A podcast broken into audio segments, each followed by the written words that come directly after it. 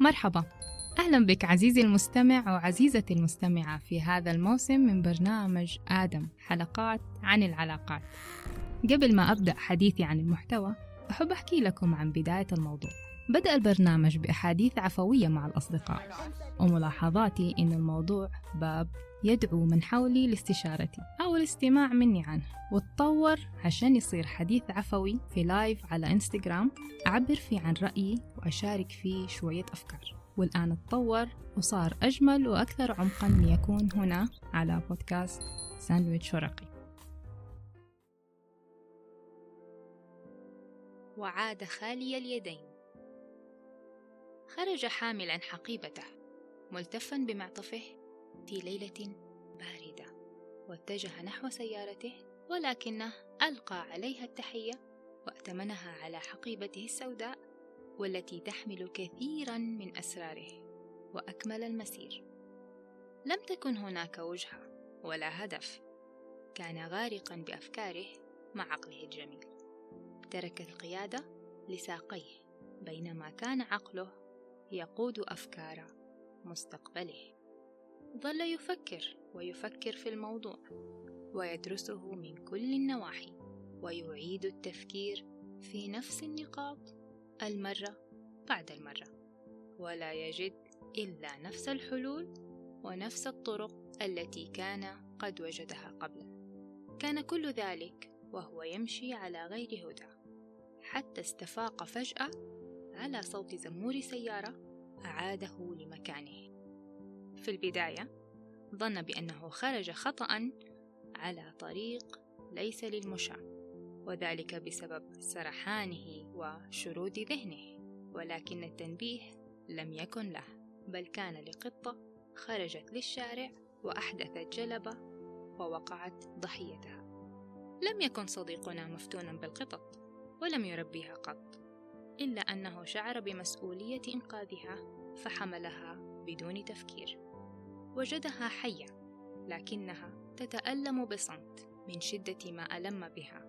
حينها استفاق لمكانه ووجد بأن سيارته بعيدة جدا. ولا يعرف كم من الوقت استغرقه في تلك الطرقات. فقرر أن يستقل سيارة أجرة لأقرب بيطري ومن حسن حظه بأنه وجد العيادة والتي بدأت بإطفاء أنوارها لا تزال مفتوحة. لقد لحق بآخر دقائق عملها.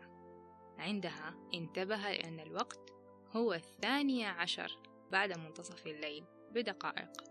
ولكن الحالة الطارئة أضاءت الأنوار من جديد وتحركت الأجواء في العيادة. طلب منه أن يدفع مبلغ رعايتها ويتركها لأن حالها كان يستدعي المبيت والمتابعة لأيام أيضا.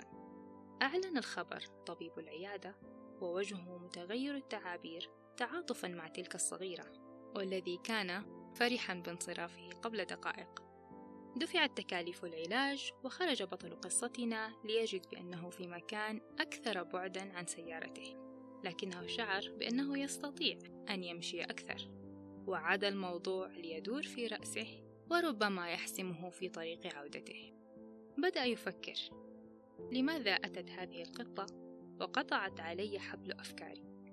ربما أكون قد وجدت حلا لو لم تقاطعني. هل توصلت أصلا لأي نتيجة من كل ذلك التفكير وذلك المحيط الذي أغرق فيه منذ أيام؟ بصدق؟ لا.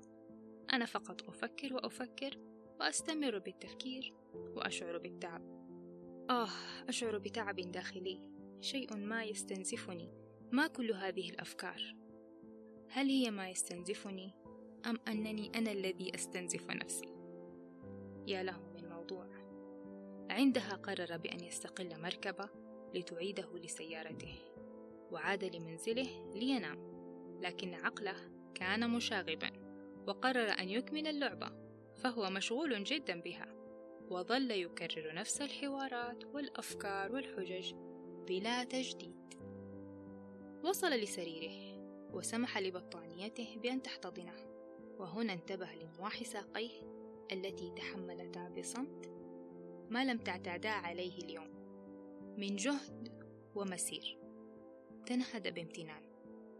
لقد وصلت لمكان الراحة ولكن الدولاب الذي يدور في رأسه لم يكن يتفق مع هذه الفكرة. ظل يتقلب في الفراش لوقت ما وهو متخوف من النظر للساعة والتي يعلم بأنها تدور كما تدور أفكاره. في تلك اللحظة بدأ جسده بالشكوى وعينيه بالأنين.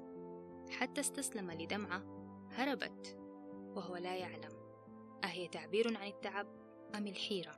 لكنها كانت إعلانا لبداية غرقه في عالم النوم. المؤسف بأن عقله لم يستسلم فقد أكمل الملف بصور عنه خلال تلك النومة فهو مشغول بها جدا ولم يجد لها حلا.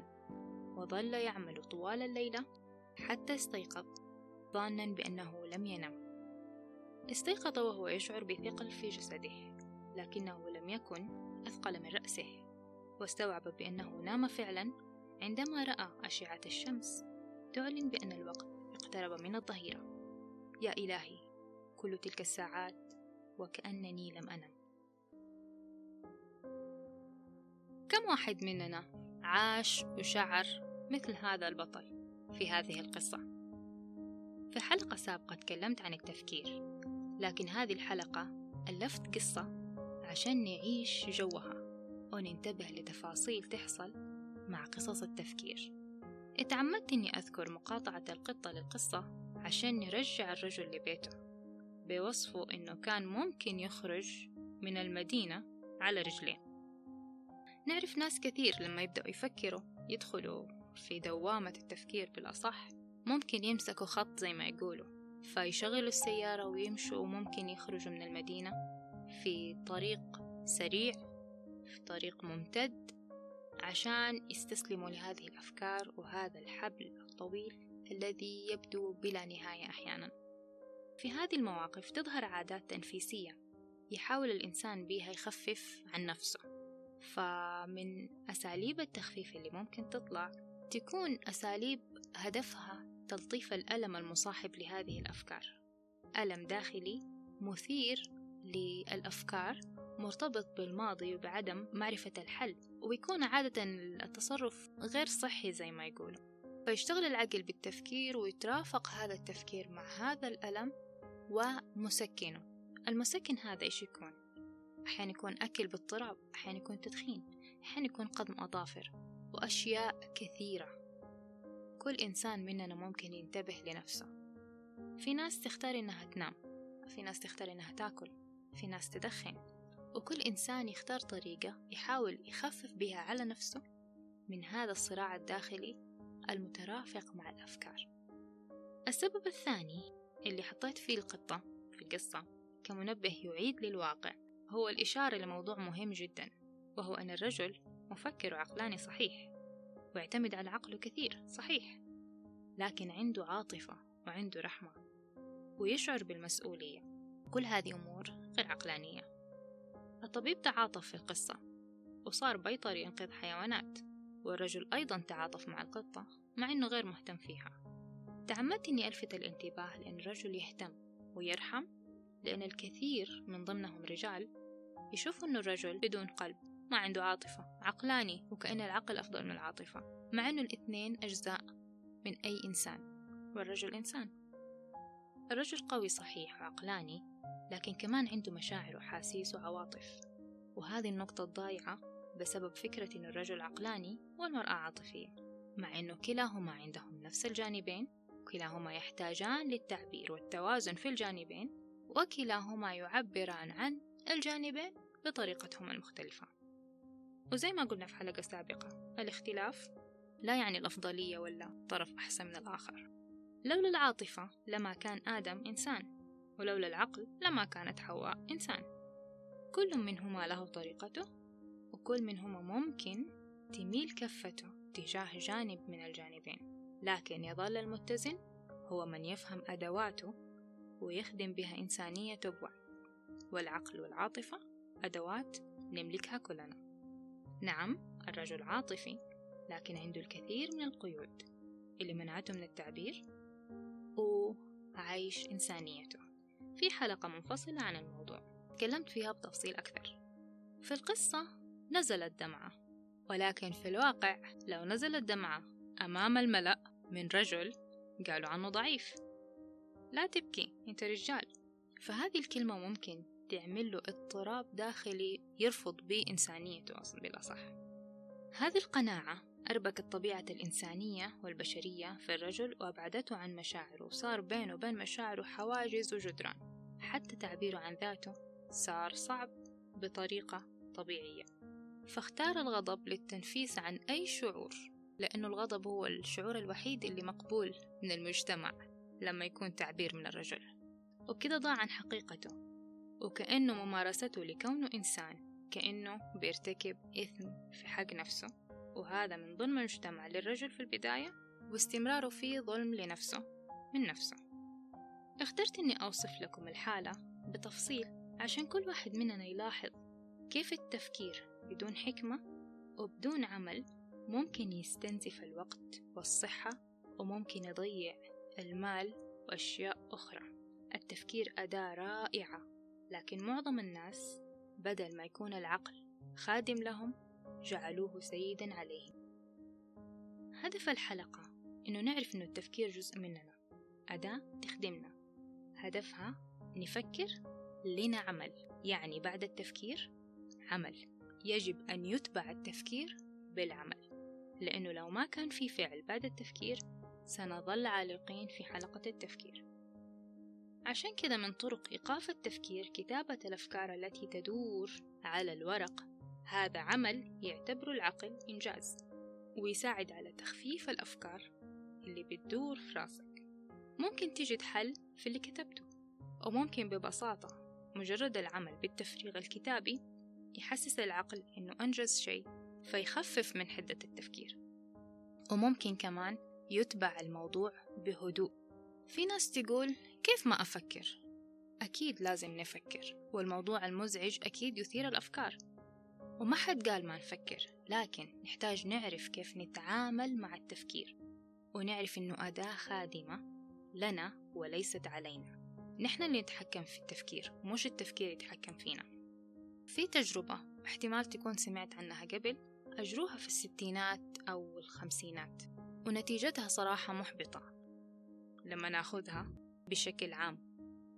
النتيجة كانت تقول إن الخلايا العصبية لا يمكن أن تتجدد وكانت عبارة عن تجربة على فئران حطوها في بيئة معينة واكتشفوا أنه الجهاز العصبي عندها ما بيجدد خلايا.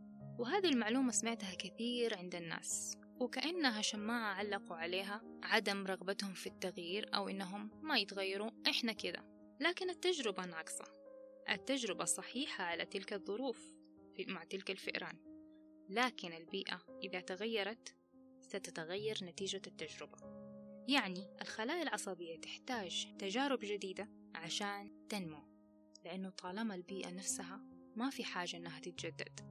ونقدر نشوف إن الموضوع جدا واضح في الناس اللي تحب تسافر الناس اللي تحب تقرأ الناس اللي تحب تغامر وتستكشف. دائما عقولهم مختلفة ودائما عندهم اتساع ومرونة وحكمة وتعدد في الخيارات والحلول. وممكن يكونوا أقل تفكير لأن الخيارات عندهم متعددة ومعناها عندهم حلول متنوعة. بالإضافة للمرونة اللي تسمح لهم إنهم ينوعوا أساليب استعمال الحلول ما يعلقوا في فكرة التفكير فقط. أن تكون حبيس تفكيرك كصاحبنا في القصة خيار وممكن يناسبك على فكرة. لكن لو انتبهت إن هذه الأفكار أو هذا الأسلوب غير مناسب أو مستنزف أو سبب لخسائر لك فهذا معناه إنك تحتاج تغير طريقتك في التعامل مع التفكير وتجعله أداة لك أداة قوة لا أداة استنزاف.